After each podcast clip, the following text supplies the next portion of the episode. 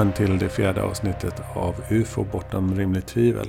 Idag ska vi prata lite om allt möjligt och oss själva. Den akademiska världen har i huvudsak blundat för det här ämnet och gör det fortfarande. Eh, med eh, fler och fler undantag visserligen, men de stora namnen som uttalar sig uttalar sig eh, skeptiskt. skeptiskt. Såsom Lawrence Krauss, som vi ska berätta om lite senare, och Neil deGrasse Tyson, som till exempel har varit med hos eh, Sam Harris. Och ehm, ja, i våra ögon, Peder, så gör de väl bort sig lite och målar in sig i ett hörn när de antar att det bara är eh, misstag och mätfel och så vidare det handlar om. Ja, absolut. Det blir lite förlöjligande och oförstående på något sätt tror jag. Att man inte riktigt greppar det Pentagon faktiskt uttryckligen har sagt. Eh, och där har vi även den här Bill, the science guy, Nyman också. Som också tillhör en av de här som då man eh, försöker förklara bort det utan att förklara det på något sätt. Men vi ska lyssna på vad Sam Harris säger hos eh, Lex Friedman. And there's no telling what spooky things may in fact be true. I mean, I don't know if you've been on the receiving end of you know recent rumors about uh, our conversation about UFOs very likely changing in the near term, right? But like yeah. there, there was just a Washington Post article and a New Yorker article and you know, I've received some private outreach, and perhaps you have. I, I know other people in our our orbit have pe- people who are claiming that the government has known much more about UFOs than they have let on until now, and this conversation is actually is about to become more prominent. You know, yes. and, and it's it's not going to be whatever you know whoever's left standing when the music stops. It's not going to be a comfortable position to be in as a you know, super rigorous scientific skeptic saying there's no there who's been saying there's no there there for the last 75 years right you know, like like uh, to, the, the short version is it, it sounds like the office of naval intelligence and the pentagon are very likely to say to congress at some point in the not too distant future that we have evidence that there is technology flying around here that seems like it can't possibly possibly be of human origin. Right now, I don't know what I'm going to do with that kind of disclosure. Right? Maybe it's just it's going to it's going to be nothing, no follow-on conversation to really have. But that is such a powerfully strange circumstance to be in. Right? I mean, it's just what are we going to do with that? If in fact that's what happens, right? Uh, if in fact the the considered opinion, despite the the embarrassment it causes them, of the U.S. government, of all of our intelligence, all of the relevant intelligence services, is that this isn't a hoax. It's too there's too much data to suggest that it's a hoax. We've got too much radar imagery. There's too much too much satellite data. Whatever data whatever data they actually have, there's too much of it all we can say now is something's going on and there's no way it's the Chinese or the Russians or anyone else's technology. Ja, det verkar som att Sam Harris är på väg att eh, ramla ner i kaninhål nummer ett. Nämligen att inse att eh, ufo-fenomenet handlar om riktiga farkoster som är extremt svårförklarade med mänskliga bakgrunder eller teorier eller eh, Mänskliga tekniker. mått mätt. Ja. Kan man säga. Och det är bara kaninhål nummer ett. Sen eh, går det vidare från det, eller vad säger du? Ja, kaninhål nummer ett är oftast kanske den svåra men ändå enkla pucken. Eh, men, ja, men man kan ändå säga den svåraste på något sätt. Men när man börjar gräva sen vidare, det är då de riktigt djupa hålen mm. kommer. Mm. Sam Harris har nu sagt vid tre olika tillfällen att han har blivit kontaktad av personer högt upp i det amerikanska samhället och tillfrågats om hur man kan berätta för en befolkning om att ufo-fenomenet inte kommer från mänsklig intelligens. Ytterligare ett exempel på vetenskapsmän som visar dåligt omdöme kopplat till ufo-ämnet är Lawrence Krauss som är en amerikansk astrofysiker och eh, får nog betecknas som en av världens främsta. Han är bland annat känd för sin bok och teori om A Universe from Nothing. Och nu under sommaren när han efter UAP-rapporten från Pentagon kom ut går han ut i Quillette.com och skriver en artikel där han mer eller mindre försöker eh, förlöjliga alla som tar UFO-ämnet på allvar. Eh, inklusive alltså alla vetenskapsmän som tar det på största allvar. Han hävdar att eh, alla oidentifierade flygande objekt handlar bara om brist på data. Och han säger att alla andra tänkbara förklaringar är mer sannolika än Alien Spacecraft. Hur han kommer fram till detta vet vi inte riktigt. Men han listar fem stycken punkter. Där punkten ett är att det skulle krävas för mycket energi för att ta sig hit. Nummer två att det handlar om för stora G-krafter. Hans tredje argument är att interstellära resor inte kräver aerodynamiska farkoster. Nummer fyra undrar han varför jorden. Och hans femte argument är varför skulle man resa överhuvudtaget? Börja med punkt ett. Han hävdar att det krävs för mycket energi. Vad säger du om det Peder? Det tycker jag är felaktigt. Det känns mer som man utgår ifrån ett mänskligt perspektiv i dagens teknik lite kanske. Eh, det finns faktiskt fysik som förklarar hur man kan färdas så här utan att då behöva en gigantisk bensintank eller en eh, atomkärnkraft och så liknande. Utan det är faktiskt ren, enkel, vanlig fysik. Då, då. Det är bara det att vi har inte kommit dit än. Och punkt två är då att det är, han tycker att det handlar om för stora G-krafter. Och båda de här argumenten, det gör ju han. Och han förutsätter ju att det handlar om den framdrivning som vi känner till. Att man ska skjuta ut kraft i ena änden och åka åt andra hållet så att säga. Vanlig raketbränsle och så vidare. Men var, varför gör han ett sånt enkelt misstag att eh, anta att det handlar om den framdrivning vi redan nu känner till? Jag tror det är en ren tankevurpa. Det är svårt för vissa människor kanske att sätta sig in i koncept som är så abstrakta att du kan inte riktigt föreställa dig dem. Då, då. Mm. Och med tanke på om du tittar då om du skapar ett eget gravitationsfält som motverkar jordens gravitationsfält så, så behöver du liksom inte ha, det blir inga G-krafter. Du är i, ditt, i din lokala rymdtid i alla fall. Då. Och den tredje punkten han anger att farkoster som ska åka mellan olika stjärnsystem inte behöver vara aerodynamiska. Den, eh, den är väldigt svår att förstå sig på varför eh, att det skulle vara ett argument att eh, i luften så behöver det vara aerodynamisk och ute i rymden behöver det inte vara det.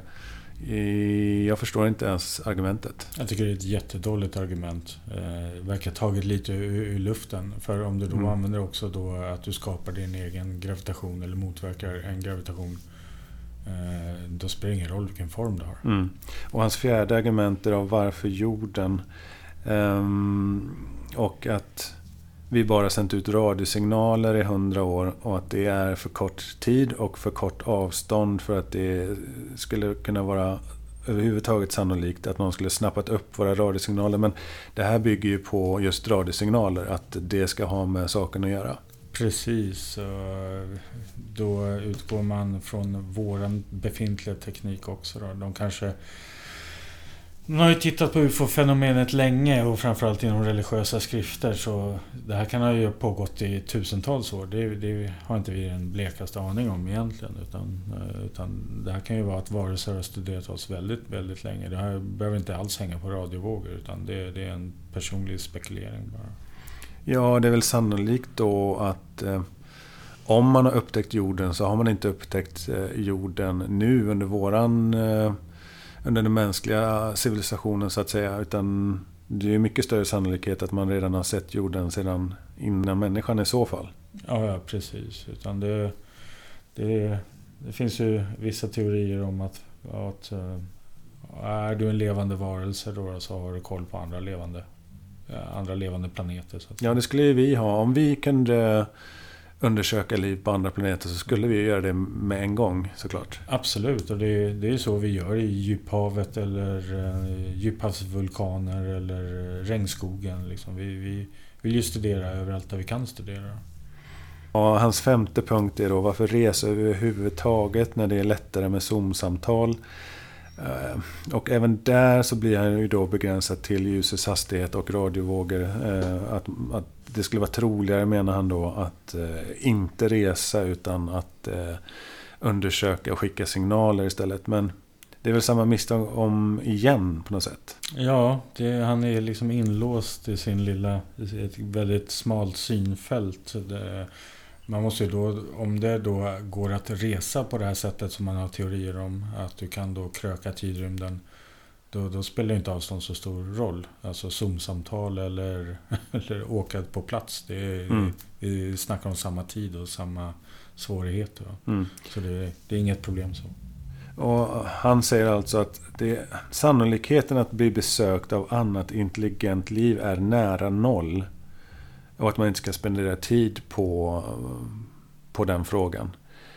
Eh, då tänker han att eh, han ska kunna dra den slutsatsen utifrån vårt perspektiv. Men samtidigt måste han väl förstå att när vi är så pass avancerade så att vi kan resa till andra stjärnsystem så, så kommer vi göra det. Och finns det liv där så kommer vi ju studera det. Mm. Så att han är helt klart inlåst i ett mänskligt perspektiv med de begränsningar vi har just nu och kan inte riktigt föreställa sig, verkar det som, hur eh, framtiden för oss till exempel skulle kunna lösa problem med avstånd till andra stjärnor. Och det rimligaste antagandet är att det finns andra intelligenta varelser som har flera tusen års försprång på oss.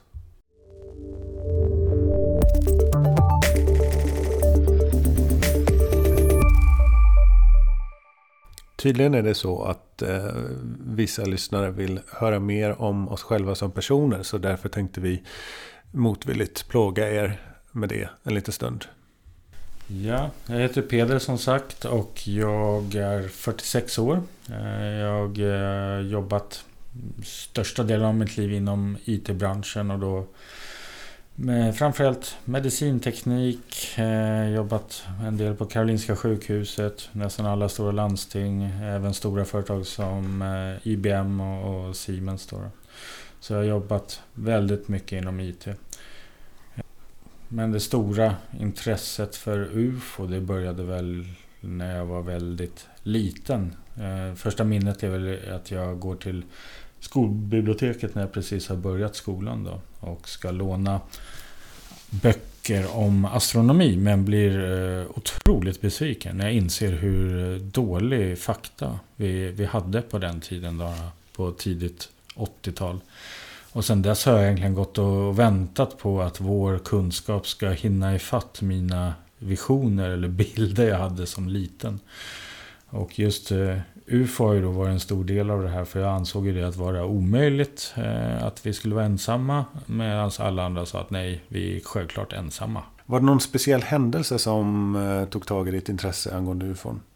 Nej, det var det väl inte. Utan det var ett generellt intresse av vetenskap. Det bara måste finnas. Så enkelt var det. Och sen blev jag ju fascinerad av de här gamla filmerna. Närkontakt av tredje graden och Steven Spielberg då, då som var fascinerande att, se.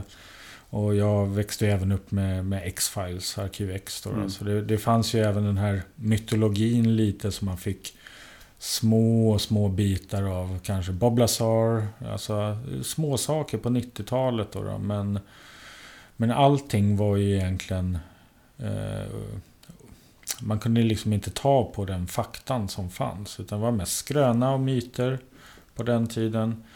Det var väl först 2001 egentligen som jag började inse att nu, nu börjar det hända saker på riktigt med det här ämnet. Och det var ju Steven Greers eh, presskonferens 2001. Med alla vittnen som trädde fram för första gången. Så där, där måste jag faktiskt ge credit till, till Steven Greer. Att han faktiskt väckte den seriösa debatten redan då, då men innan, innan det spårar ur. Eh, Peder, hur kopplar du din profession eh, till UFO-ämnet? Eh, nu när UFO-ämnet har fått lite mer luft under vingarna och forskningen börjar ta det här seriöst så, så har jag eh, gått med i en organisation som heter Skyhub och vi ska då bygga sensorer med väldigt avancerad AI. Alltså en AI-dator och en AI-kamera då som ska då kopplas via en eh, specialutvecklad eh, mjukvara. Ett dataprogram alltså utvecklad av folk från eh, insyn till amerikanska underrättelsetjänster och så. Så när man kopplar ihop de här sensorerna till ett globalt nätverk som kontinuerligt övervakar luftrummet då, så ska det här sen gå via molnet eh, så att det går då i realtidsanalys och kan då direkt sopa bort de där satelliter eller hemliga klassificerade projekt och så vidare. Så där har jag verkligen fått användning av min, min IT-kunskap. Så. Jag är inte helt insatt i det där med Skyhub. Men om, om jag säger så här får du rätta mig om jag har fel. Det är någon form av globalt nätverk där privatpersoner anmäler sig frivilligt att sätta upp kameror och sensorer över himlen. Eh, för att eh, registrera föremål och eventuella ufon och även då automatiskt ta reda på ifall det handlar om eh, planeter eller flygplansatelliter och utesluta dem en gång automatiskt. Är det, är det korrekt uppfattat? Absolut, precis så är det. Så den här sensoren då, eller vi är, vi är väl ett nätverk av forskare, IT-människor, entreprenörer, investerare som då gör det här på frivillig basis för det är väldigt kostsamt att bygga en sån här sensor. Då. då. Eh, så man eh, krävs ofta att man har lite intresse. Och samt får du då konfigurera och göra den här mjukvaruinstallationen själv då, med stöd såklart. Då. Men det, det, krävs att du har ett intresse eh, än så länge. Men som sagt, den övervakar hela himlen. Sållar bort det som inte är intressant eller skapat av människor. För den har då access till en mängd olika datasystem. Då, så den kan göra så här. Och sen blir det då en analys eh, och så rapporterar den vidare då alla objekten upptäcker som inte då är, kan kategoriseras som kända föremål. Peder, vad tycker du är mest spännande inom ufologin och dess förgreningar?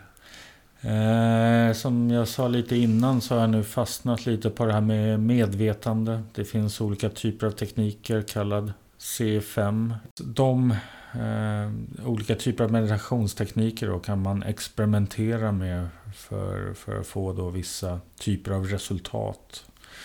Eh, det är väldigt spännande, väldigt kontroversiellt, väldigt eh, förvirrande. Så det, det, är en, det är en salig cocktail av eh, spännande saker som kan hända när du gör de här meditationerna. Så det här vill man ju såklart då fånga på video så mycket det bara går. Vad anser du är svårast inom ufologin? Det svåraste inom ufologin det är nog när man börjar inse att de här farkosterna faktiskt existerar. Då börjar tankarna snarare vandra till vilka är de? Och, och vad vill de? Vad gör de här? Varför kommunicerar de inte mer? Eh, är de fredliga? Hur tänker de? Vad har de för kultur? Hur ser de på människor? Det exploderar av frågor i huvudet. Eh, och alla frågor är egentligen ren spekulation. Men Peder, varför tycker du att den här frågan är så stor och viktig? Det är väl egentligen en av de två stora frågorna. För min del i alla fall. Och det är, vad händer när jag dör? Och sen, finns det, finns det annat liv? Och att den är så stor tror jag, för mig hänger det nog mycket på att jag ser inte människan som en enplanetsvarelse. Då kommer vi dö. Utan det, det handlar om vår naturliga nyfikenhet som fick Columbus åka över havet. Samt vår överlevnad. Eh, det finns en anledning till att vi är nyfikna. Jag tror det är eh, meningen att vi ska ta oss ut i, i rymden och på så sätt träffa andra varelser.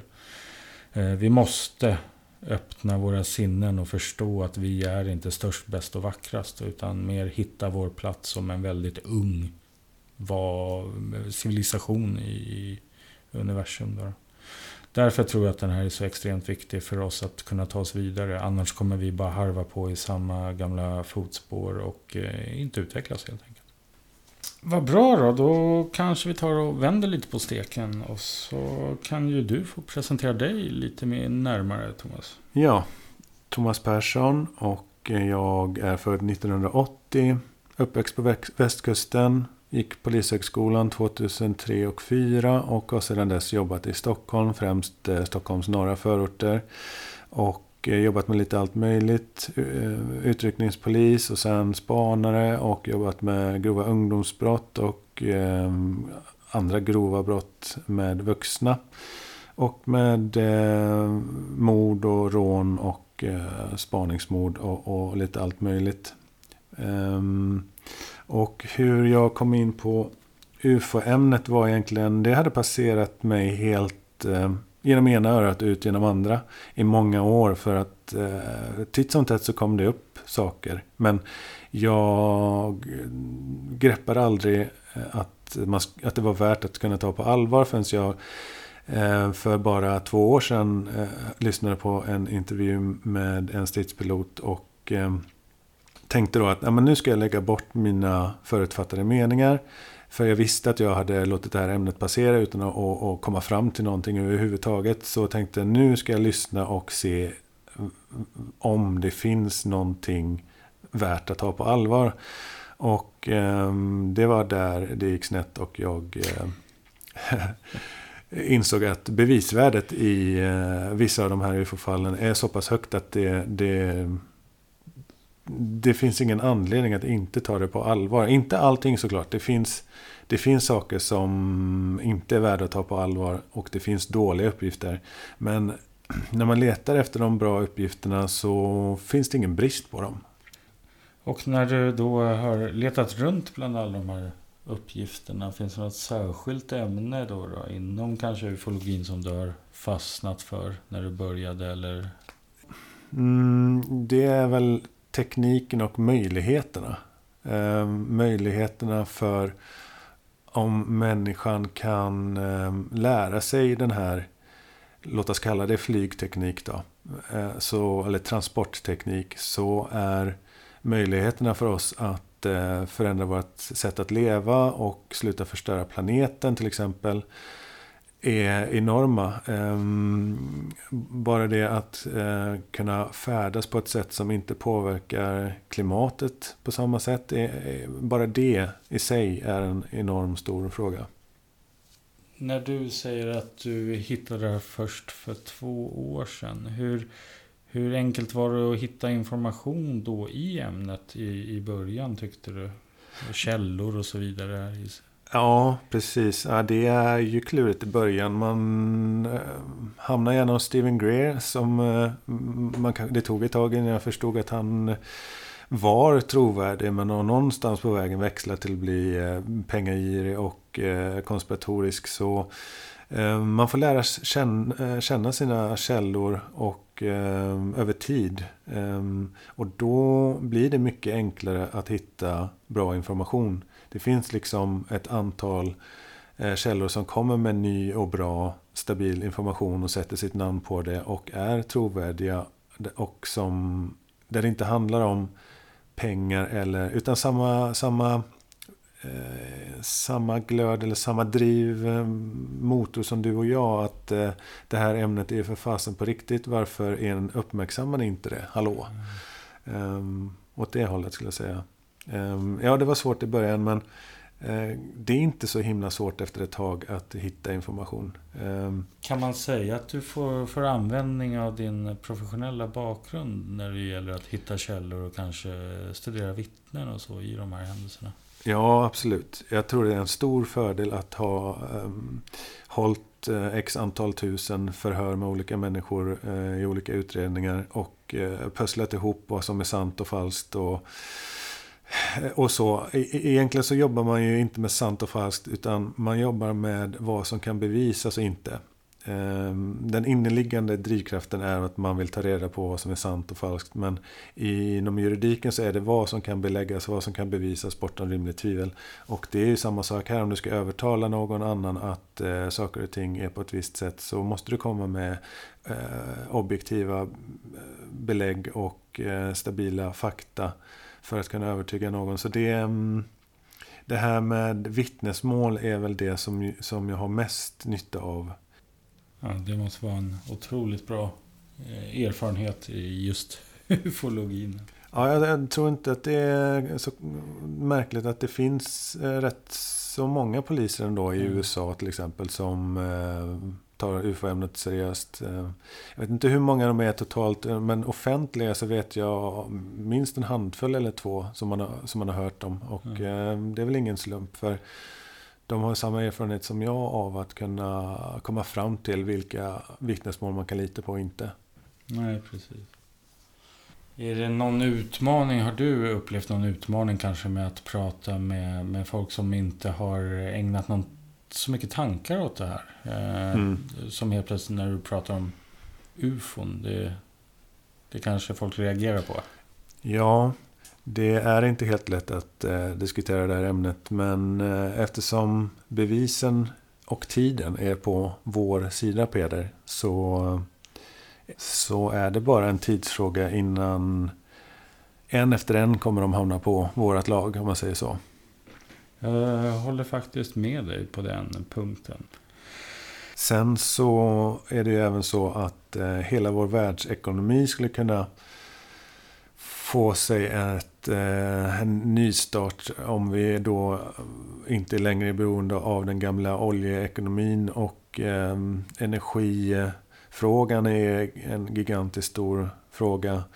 Klimat och miljöpåverkan, och som jag sa förut. Eh, det är väldigt stora frågor allihopa.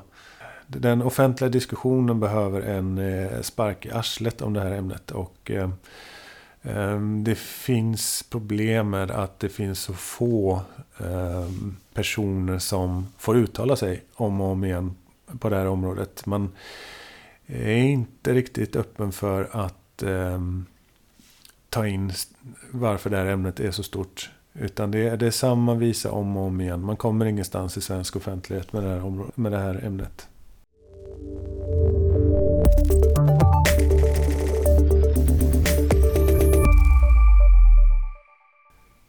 Vi skulle vilja kommentera några punkter från intervjun med Claes Svahn.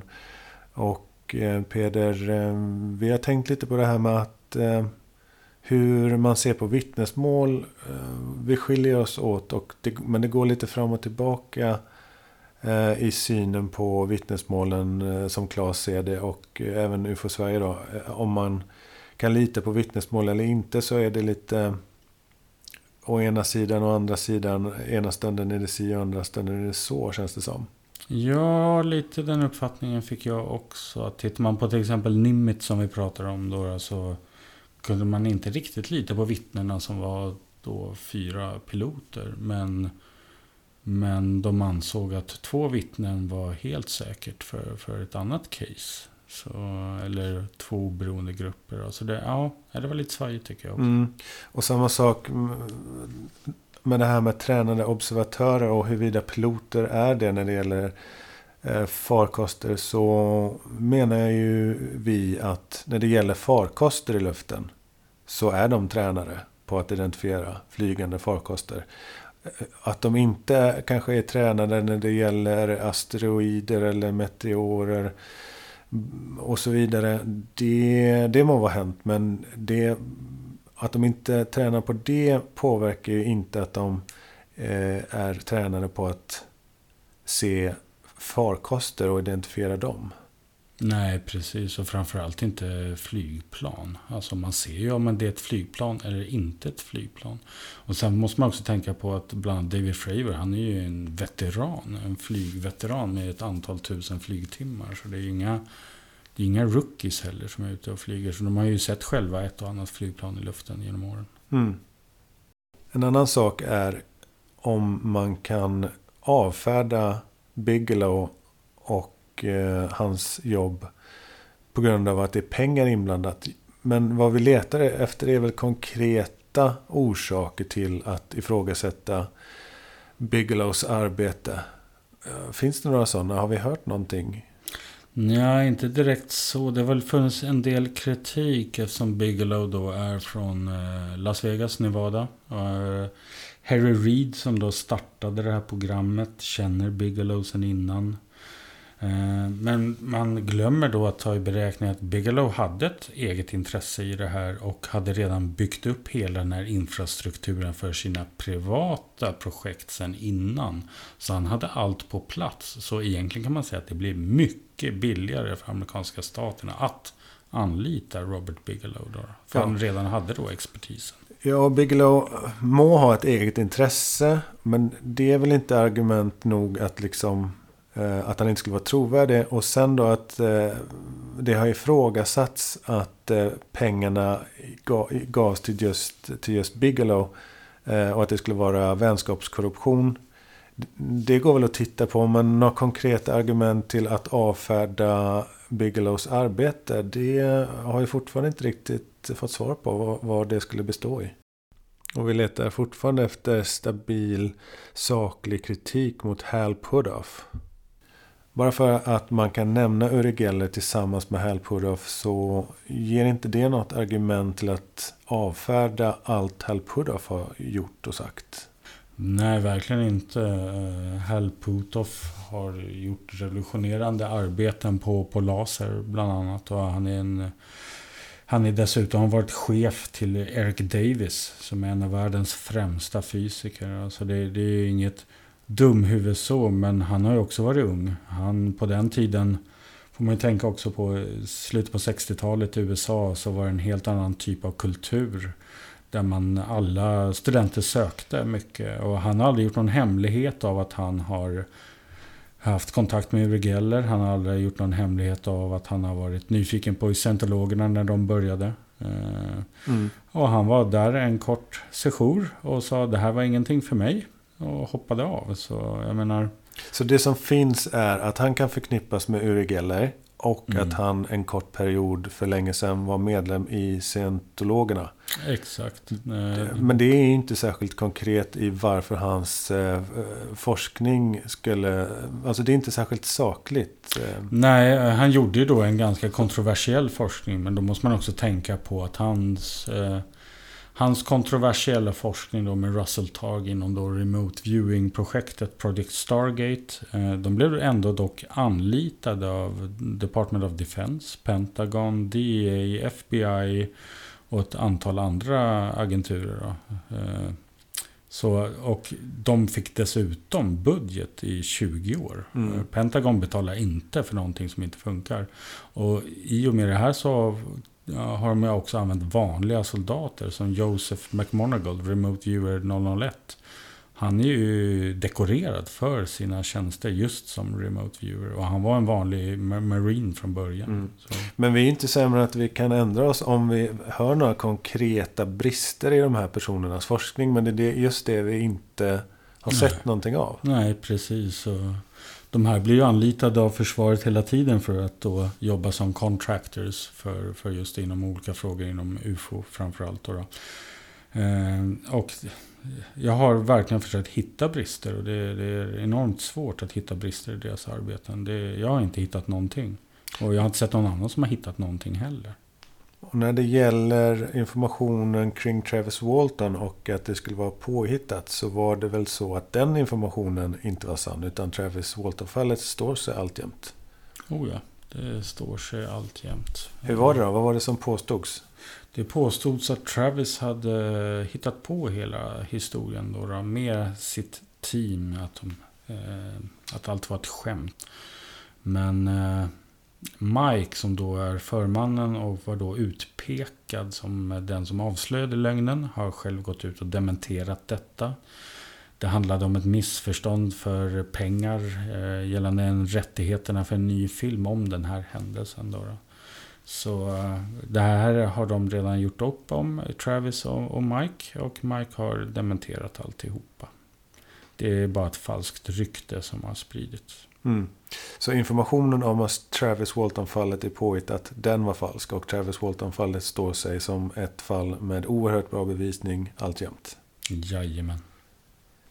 Uh, när det gäller vad Claes säger om pyramiderna och Omaha-filmen. Uh, vad tänker du där Peter? Jag tycker man glömmer lite att det här är en incident som har pågått i tre dagar. Eh, ibland är det uppemot hundra av de här föremålen samtidigt. De radarbilderna som har läckt, där visar upp till 14 föremål samtidigt som då åker runt hela den här flottan. Då, då. Det är just det här skeppet som de visar då på radarbilden. Så att då bara bortse från vittnesmål och säga att de ser bara ett flygplan på långt håll. Det... Mm. Vill man stötta Klas arbete med Archives for the Unexplained, världens största arkivex i Norrköping, så gör man det på afu.se. Vill man stötta den här podden och hjälpa till att eh, få lite bättre ljud så kan man göra det på telefonnumret som står i poddens beskrivning. Tack och på återseende.